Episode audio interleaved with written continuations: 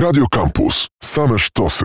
Róża Wiatrów. Audycja o stosunkach międzynarodowych. Przy mikrofonie Marcin Uniewski, a gościem Radia Campus jest dzisiaj pan Patryk e, Kugiel, analityk do spraw Azji Południowej z Polskiego Instytutu Spraw Międzynarodowych. Dzień dobry, panie Patryku. Dzień dobry, witam. Przez 121 dni Rahul Gandhi przemierzył całe Indie od południowych wybrzeży po śnieżne szczyty Karakorum w Kaszmirze, rozmawiał podczas tej podróży z ludźmi i przekonywał ich do tego, że nacjonalistyczny rząd premiera Narendy Modiego nie jest jedyną siłą polityczną w Indiach, nie jest jedyną mm, opcją do wyboru.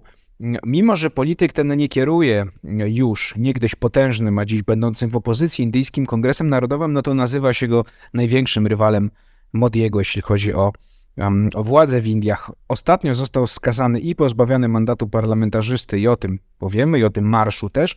Na początku, e, panie Patryku, słowem wstępu, kim jest Rahul Gandhi? No, człowiek, z którym część e, Hindusów wiąże szansę na pokonanie Narendy Modiego, o tym też powiemy, czy to, czy to realna szansa. No ale właśnie, potomek potężnej dynastii, E, która no, zapisała się w historii Indii tak naprawdę od samego początku Indii, jeszcze zanim Indie niepodległe powstały. No tak, to jest kolejny przedstawiciel kolejnego pokolenia dynastii Nehru Gandhi, którzy rządzili Indiami przez ostatnie 75 lat prawie nieprzerwanie. E, bo musimy pamiętać, że jego, oj, e, jego ojcem był Rajiv Gandhi, który był premierem Indii w latach 80. Jego e, babką była Indira Gandhi, która rządziła Indiami w latach 60. i 70., a jego pradziadkiem był Jawaharlal Nehru, który Pierwszy premier, prawda? Tak, który był pierwszym premierem, który rządził do 62 roku od uzyskania niepodległości i który zapisał się jakby w największym stopniu temu, że Indie są niepodległym, stały się niepodległym państwem po II wojnie światowej, więc to jest ogromna no, potencjał taki y, znaczenie polityczne, dziedzictwo, jakie stoi za rodziną Gandhi. E, Rahul ma dzisiaj 52-53 lata będzie miał. E, stał na czele Indyjskiego Kongresu Narodowego. Jego matka Sonia Gandhi była wcześniej szefową tej, tej partii, kiedy na przykład rządził, rządził, rządziła ta partia Indiami w latach 2004-2014. Później ona się z polityki wycofała i jej miejsce mieli zająć jej e, dzieci, właśnie Rahul Gandhi i Priyanka Vadra, córka e, i siostra Rahula Gandhiego. To jest jakby to naj, najmłodsze pokolenie dynastii Gandhich. Tylko, że no, Rahul, jego rola polityczna przypadła na czas, kiedy właśnie Kongres Narodowy stał się naj, najsłabszy w swojej historii. W ostatnich wyborach y, do parlamentu kongres zdobył około 50 mandatów. To jest najniższy wynik. 10%, prawda? W historii. Tak, to praktycznie zostali zdziesiątkowani, więc ta, ta partia przestała odgrywać jakieś duże znaczenie. Nie miała długo pomysłu na to, jak wygrać y, z partią BJP, indyjskim, mm, indyjską partią ludową, premiera Narendry Modiego. Zresztą BJP długo śmiało się z Rahula Gandhiego i uważa, uważano, że że naj, największym atutem i e, no, zasobem partii BJP jest właśnie Rahul Gandhi, który stoi na, na czele Kongresu Narodowego, bo jemu właśnie to, to pochodzenie z tak ważnej politycznie rodziny wytykano jako jak był argument pokazując, że on jest odklejony od problemów zwyczajnego człowieka, także to jest ten przedstawiciel elit, e, dawnego systemu też, no, że to jest człowiek no, jakby książę, prawda, który nie wie, jak wygląda prawdziwie życie, że nie ma charyzmy, że nie ma zdolności do, do bycia przywódcą, że te kilka wyborów, które on prowadził, Kongres Narodowy, e, Kongres Narodowy przegrał właśnie dlatego, że, że Rahul Gandhi nie miał poza nazwiskiem tych cech jego poprzedników, jego rodziców i dziadków.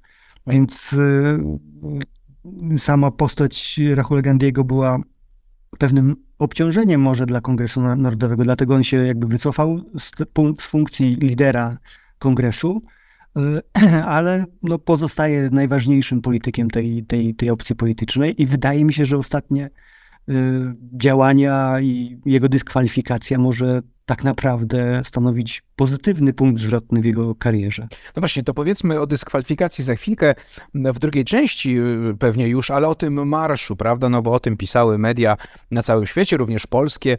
Tysiące kilometrów e, pisano w trampkach, prawda? Raul Gandhi, jak właśnie taki no, zwykły Hindus, nie jako taka odklejona elita samochodem, tak? Czy, czy w otoczeniu super obstawy, tylko właśnie wśród ludu przeszedł Mm, przez, e, przez Indię. Mm, no właśnie, po co to było, panie, panie Patryku? Rozumiem, że wizerunkowo, prawda? No bo żeby właśnie pokazać, że on jest, że on jest taki jak wszyscy. Mm, e, no i pytanie drugie powiązane z tym, czy, czy y, no, udało mu się ten kontakt z wyborcami nawiązać, tak? Przekonać wyborców, przynajmniej część do tego, że kongres istnieje cały czas jeszcze i y, BJP nie jest jedyną partią. No, ten marsz y, miał jakieś 4000 kilometrów, tak, od południa Indii, od Kanyakumari do Kaszmiru na północy. I patrząc na dość pokaźne tłumy ludzi, którzy witali y, Rahula Gandiego i, i, i członków partii BJP na różnych etapach tej, tej podróży, no to, to było... Partii kongresowej. Partii kongresowej, przepraszam. Więc to było pozytywne, to pokazywało, że jakieś znaczenie jeszcze ta partia ma. To, że Rahul Gandhi właśnie pokazywał się jako ten, ten człowiek, który nie utrzymuje dystansu do, do, innych ludzi, który jest otwarty, nie boi się też podjąć pewnego ryzyka, bo musimy pamiętać, że jego rodzice, e, znaczy jego ojciec i jego babka mhm. zginęli w zamachach sam, e, terrorystycznych, samobójczych, więc, więc tutaj też to zagrożenie osobiste Rahul wziął e, na, na siebie e, dla własnego, zagrożenie własnego bezpieczeństwa i, i, i szedł przez ten cały kraj, więc faktycznie to mogło poprawić jego wizerunek i jakby też y, ożywiło pewne idee, które Kongres Narodowy właśnie, y, którego jest nosicielem Kongres Narodowy, y, ideę tolerancji, świeckości, takiego liberalizmu, też socjalizmu, jaki wiąże się z tą partią, tak? Bo, bo hasłem tego, tej, tej pielgrzymki przez całe Indię było, był sprzeciw wobec nienawiści, wobec mowy nienawiści, wobec wykluczeniu,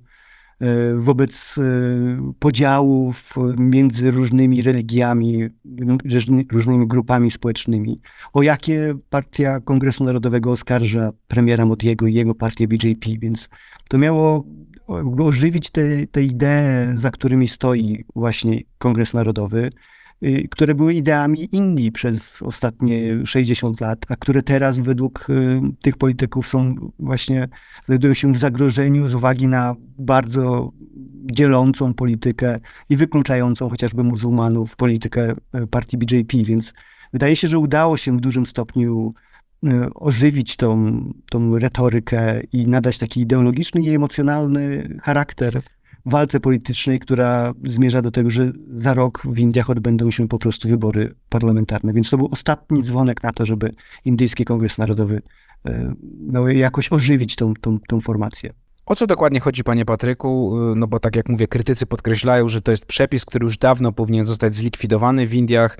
Sąd Najwyższy mm, e, jednak uznał, że ten przepis ma zostać, bo sprawa już, już się przed nim mm, toczyła. Y, no więc właśnie, o co, o co chodzi, od czego się zaczęło tak naprawdę najpierw wyrok, a potem to pozbawienie mandatu? Więc sprawa dotyczy wypowiedzi Rahula Gandiego w czasie ostatniej y, kampanii wyborczej w 2019 roku, gdzie na jednym z, wie, z wieców politycznych y, on takie zdanie wypowiedział, że jak to się dzieje, że wszyscy złodzieje mają na nazwisko Modi i tam wymienił trzech polityk, trzech, trzy osoby, e, no, którzy, które faktycznie, jakby dwójka z nich była, miała wyroki e, za różne malwersacje finansowe i, i, i korupcję i e, pranie brudnych pieniędzy i w tym wymienił premiera Narendry Modiego. E, I to posłużyło do, do złożenia wniosku i po, pozwu przeciwko Rahulowi Gandiego przez takiego niższego rangą członka partii BJP, który też się nazywał, miał na nazwisko Modi i uważał, że on e, w zasadzie został tutaj e, no, pomówiony, że Rahul Gandhi obraził całą wspólnotę ludzi, którzy mają na nazwisko Modi, mimo że takiej jakby grupy społecznej nie ma, prawda? I, i, i założył sprawę karną. Właśnie sąd w Gujaracie prowincji, w której notabene mm, Narendra Modi rządził wcześniej jako premier rządu stanowego przez kilkanaście lat i którym BJP jest dzisiaj nadal bardzo silną, silną partią, więc sędzia tak, jednego z sądów w tym regionie wydał wyrok, no, skazując mm, Rahula Gandiego na karę bezwzględnego pozbawienia wolności na dwa lata. To jest najwyższy wymiar kary w ramach tych przepisów, e, o których pan wspomniał, które pamiętają czasy jeszcze Imperium Brytyjskiego.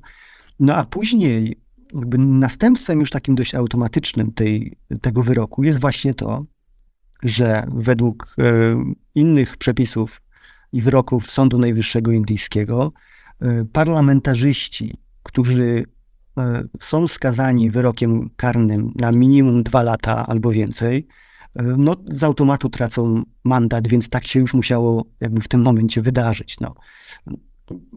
Sprawa jest dość dziwna i można by powiedzieć komiczna, gdyby nie była też straszna, prawda? Bo no jednak za słowo tego typu, jakby w indyjskiej polityce, gdzie tych słów dużo bardziej obraźliwych z jednej i z drugiej strony pada wiele, żeby za, za, za takie zdanie o, no nie wiem, że wszyscy na przykład e, nie wiem, Kowalscy to, to, to złodzieje, prawda? Żeby ktoś za taką wypowiedź w Polsce czy w innym kraju poszedł, dostał wyrok na dwa lata mm -hmm. pozbawienia wolności, prawda? No wydaje się to dość y, zaskakujące. E, no i stąd się biorą te zarzuty, że jest to tak naprawdę wyrok polityczny. No właśnie myśli pan, panie, panie y, Patryku, ja tylko dodam, że teraz Rahul Gandhi ma 30 dni, prawda, na odwołanie się, wyszedł za kaucją, jest na wolności, no ale, ale ma 30 dni, żeby się od tego wyroku odwołać. Czy pana zdaniem może tak być, jak właśnie twierdzą obrońcy Rahula Gandhiego, że e, no, premier Modi i BJP obawia się go jako politycznego rywala w wyborach, które są w przyszłym roku, no i postanowił, prawda, profilaktycznie, yy, mówiąc eufemistycznie, usunąć po prostu jednego z krytyków czy rywali. Ja myślę, że tutaj ta sprawa nie jest tak oczywista, jakby się mogła wydawać. Ona jest dużo bardziej skomplikowana, bo po pierwsze Rahul Gandhi jednak no, nie był super popularnym politykiem. Tak? On nie zagrażał Narendrze e, Modiemu. Jakby Narendra Modi prawdopodobnie wygrałby, tak dzisiaj mhm. widzimy, tak by to wyglądało, że nie ma konkurencji dla Narendra Modiego i BJP prawdopodobnie wygra te wybory w przyszłym roku. Więc nie byłoby, nie ma takiej potrzeby, żeby wykluczać akurat Rahula Gandiego z polityki e, na, na tak błahych jakby podstawach. Wydaje mi się, że co, co mogło się wydarzyć, to ktoś nadgorliwy, jakiś sympatyk, e, wykonał taką niedźwiedzią przysługę, prawda? Bo jakby może chciał się chciał pomóc e, Modiemu wygrać e, z opozycją, a no, uzyskał chyba efekt odwrotny od zamierzonego, bo to wykluczenie Rahula Gandiego z polityki, zobaczymy, czy będzie utrzymane na, na wyższym poziomie y, sądownictwa y, na, na, przy odwołaniu, a, ale to spowodowało zjednoczenie opozycji, którzy odrzucają właśnie i, czy, i odczytują ten ruch BJP jako działanie dyskryminacyjne, jako polityczne, e, jako właśnie strach BJP przed opozycją. Więc to jednoczy opozycję przeciwko BJP. To jest wykorzystywane dzisiaj, prawda? Daje paliwo znowu par partii Kongresu Narodowego do tego, żeby organizować wiece, manifestacje. Media o tym mówią, prawda? Chociaż Media o tym tutaj skromnie, ale przecież CNN, PC, tak? No, Absolutnie, absolutnie. To jakby dalej podważa jakby jakość indyjskiej demokracji. To wzmacnia argumenty, które od lat słyszeliśmy o tym, że ta demokracja podczas rządów BJP i premiera Modiego e, no, ulega pogorszeniu, ten stan demokracji w Indiach, więc e, no, więcej złego tak naprawdę dla BJP do, przyniesie ten, ten wyrok sądowy niż, niż dobrego. I tutaj też pewna nadgorliwość pewnie nastąpiła ze strony parlamentu indyjskiego, bo, bo jednak wyrok jest nie, nieprawomocny jeszcze, tak? Jeszcze czekam na to odwołanie właśnie Rahula Gandiego, więc może nie było potrzeby go tak nagle jakby wyrzucać z samego par parlamentu, pozbawiać go e, mandatu.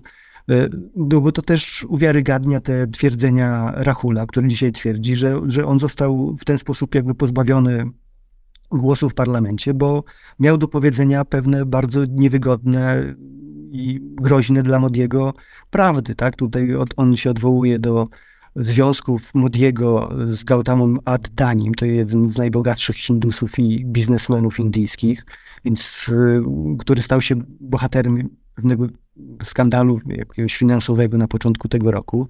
I Rahul Gandhi zapowiadał, że ma pewne nowe rewelacje, które chciał w parlamencie wygłosić na ten temat, na temat powiązań między BJP a, a biznesmenami właśnie indyjskimi. I, I oni uważają, że to ma zamknąć usta opozycji no a uwaga świata i uwaga mediów indyjskich. Jest dzisiaj tak duża, że, że w zasadzie BJP trochę, jeżeli to, to jest jakoś politycznie motywowane, no to strzelili sobie w stopę, bo, bo to raczej długofalowo wzmocni opozycję, wzmocni Modiego, wzmocni Rahula Gandiego. I jest no, dużym wyzwaniem, które otwiera nowe, nowe rozdanie w indyjskiej polityce. Z czego wynika, panie Patryku, mm, to przejdźmy na chwilkę do słabości partii kongresowej, czy indyjskiego kongresu narodowego. No bo tak jak już pan powiedział, ja to teraz też powiedziałem, że kiedyś potężna siła, prawda, rządząca krajem e, przez dekady, no a teraz poparcie 10%, cień własnej siebie, no i dwie sromotne porażki z BJP, czyli z partią premiera Modiego. Ja myślę, że... Czy to zmęczenie trochę rządami po prostu przez Hindusów? W dużej, mierze, mhm. dużej mierze, ale słabość kongresu wynika po prostu z siły partii BJP i ogromnej popularności premiera Modiego, bo premier Modi właśnie się e, ustawiał i promował jako zaprzeczenie Kongresu Narodowego i zaprze zaprzeczenie e, chociażby Rahula Gandiego, prawda? On jakby w przeciwieństwie do Rahula Gandiego premier obecny Narendra Modi pochodzi z niższych kast e, społecznych w Indiach. Jest takim przykładem człowieka self-made mana, tak, który od, zaczynał jako, jako dziecko sprzedając herbatę na, na, na bazarze, pomagając swojemu ojcu, prawda? Później się piął przez wszystkie szczeble kariery, więc on ma taką wiarygodność e, człowieka, który doszedł do wszystkiego sam, swoją własną ciężką pracą, który zna w związku z tym te różne bolączki, problemy zwyczajnego człowieka który w swojej polityce po prostu też bardzo mocno podkreśla i trochę ukradł mm, Kongresowi Narodowemu takie prospołeczne, prorównościowe jakby orientację, taką podstawę ideologiczną. Mimo, że partia BJP jest bardziej liberalna, prorynkowa i tak dalej, to no, dużo uwagi, przynajmniej w swojej retoryce i, i, i programach politycznych, pokładą na to, że że oni dbają o zwyczajnego człowieka, o tego najbiedniejszego, najnormalniejszego człowieka. E, uruchomili szereg różnych programów dodatkowych, e, takich e, prospołecznych, dopłat do jedzenia, do, do, do, nośników energii i tak dalej. Więc trochę BJP ukradła program polityczny, można by powiedzieć, czy ideologię taką prospołeczną, prorównościową Partii Kongresu Narodowego i no, udało im się przedstawić kongres jako właśnie tych ludzi, starą elitę, która rządziła Indiami, która doprowadziła do tego, że jakby Indie dalej są biednym krajem, y, że to, to trzeba było zmienić, tak? Pod koniec rządów kongresowych w tym 2010 do 2014 roku y, też wychodziły różne skandale korupcyjne, więc partia BJP mówiła, że ona oczyści tą całą politykę że Kongres Narodowy jest po prostu skompromitowany. To są jakby leśni dziadkowie, e, którzy są też zamieszani prawda, w afery korupcyjne, e, są nieuczciwi i, i trzeba to wszystko zmienić. Więc takie zmęczenie partią Kongresu Narodowego, e, ta świeżość, którą partia BJP o, o, oferowała i charyzma ogromna i taka autentyczność premiera Modiego, który jak, jakby w pojedynkę tak naprawdę wygrywa te, te wybory dla partii BJP, to spowodowało, że Kongres Narodowy jest dzisiaj w kryzysie y, i, no i ma już niewiele czasu na to, żeby się do tych przyszłorocznych wy, wyborów jakoś... Właśnie, panie Patryku, to dosłownie dwie minutki zostały, więc krótko też, żebyśmy oczywiście nie super wybiegali w przyszłość, bo do wyborów jeszcze, jeszcze kawałek, więc dużo rzeczy może się zdarzyć. No ale wychodząc od Rahula Gandiego, pan już zaczął to mówić, czy jeśli mm, on, nie wiem, no na przykład przegrałby jeszcze w drugiej instancji, no to, to, to, to by jeszcze bardziej jakoś pod mm, e, mm, zmotywowało zwolenników y, kongresu, no bo pewnie narracja byłaby taka, że to oczywiście represje właśnie ze strony Modiego. Czy kongres może jeszcze odżyć? W ten sposób zapytam. Czy właśnie dzięki Rahulowi Gandiemu i tej sprawie, czy takim marszom podobnym, nie wiem, może to jest właśnie jakaś, jakaś alternatywa, próba dotarcia do wyborców, czy no raczej, raczej yy, BJP nie jest zagrożone? No, na, na dzień dzisiejszy wygląda tak, że BJP te wybory powinno wygrać, prawda? Ale tego typu działania, jak ten marsz, właśnie ta pielgrzymka przez Indię, jak dzisiaj ta polaryzacja wokół e, problemu Rahula Gandiego i jego dyskwalifikacji, jeżeli on zostanie, ten wyrok zostanie utrzymany, no to Rahul Gandhi nie będzie mógł osobiście startować w przyszłorocznych wyborach. Mhm. To będzie stałą pożywką dla, dla przedstawiania przyszłorocznych wyborów jako no, takiego starcia historycznego, tak? Między tym, czy Indie pozostaną demokracją, czy nie czy będą tolerancyjnym partią, państwem, czy nie. Tak więc ta, e, te, ten wyrok sądu i to, co się dzieje wokół Rahula Gandiego, wydaje mi się, że wzmocni je ostatecznie Kongres Narodowy. I, i, I, to może być jakimś e, no, czynnikiem, który wpłynie pozytywnie na, na, na perspektywy tej partii w przyszłorocznych wyborach. Stawka tej, tych przyszłorocznych wyborów wzrasta opozycja będzie miała dodatkowy argument, żeby się zjednoczyć, bo jeżeli można wykluczyć z polityki Rahula Gandiego, to można wykluczyć pra praktycznie każdego, więc e, dla opozycji będzie to bój egzystencjalny. E, więc wydaje mi się, że paradoksalnie te ostatnie wydarzenia pokazują, że jeszcze nic nie jest przesądzone i te wybory w przyszłym roku w Indiach e, mogą ciągle zaskoczyć. Patryk Kugiel, analityk do spraw Azji Południowej, Polski Instytut Spraw Międzynarodowych, był moim i waszym gościem. Bardzo dziękuję panie Patryku za rozmowę. Dziękuję uprzejmie. My się słyszymy w środę za tydzień, oczywiście w Radio Campus, a ja się nazywam Marcin Uniewski. Radio Campus. Same sztosy.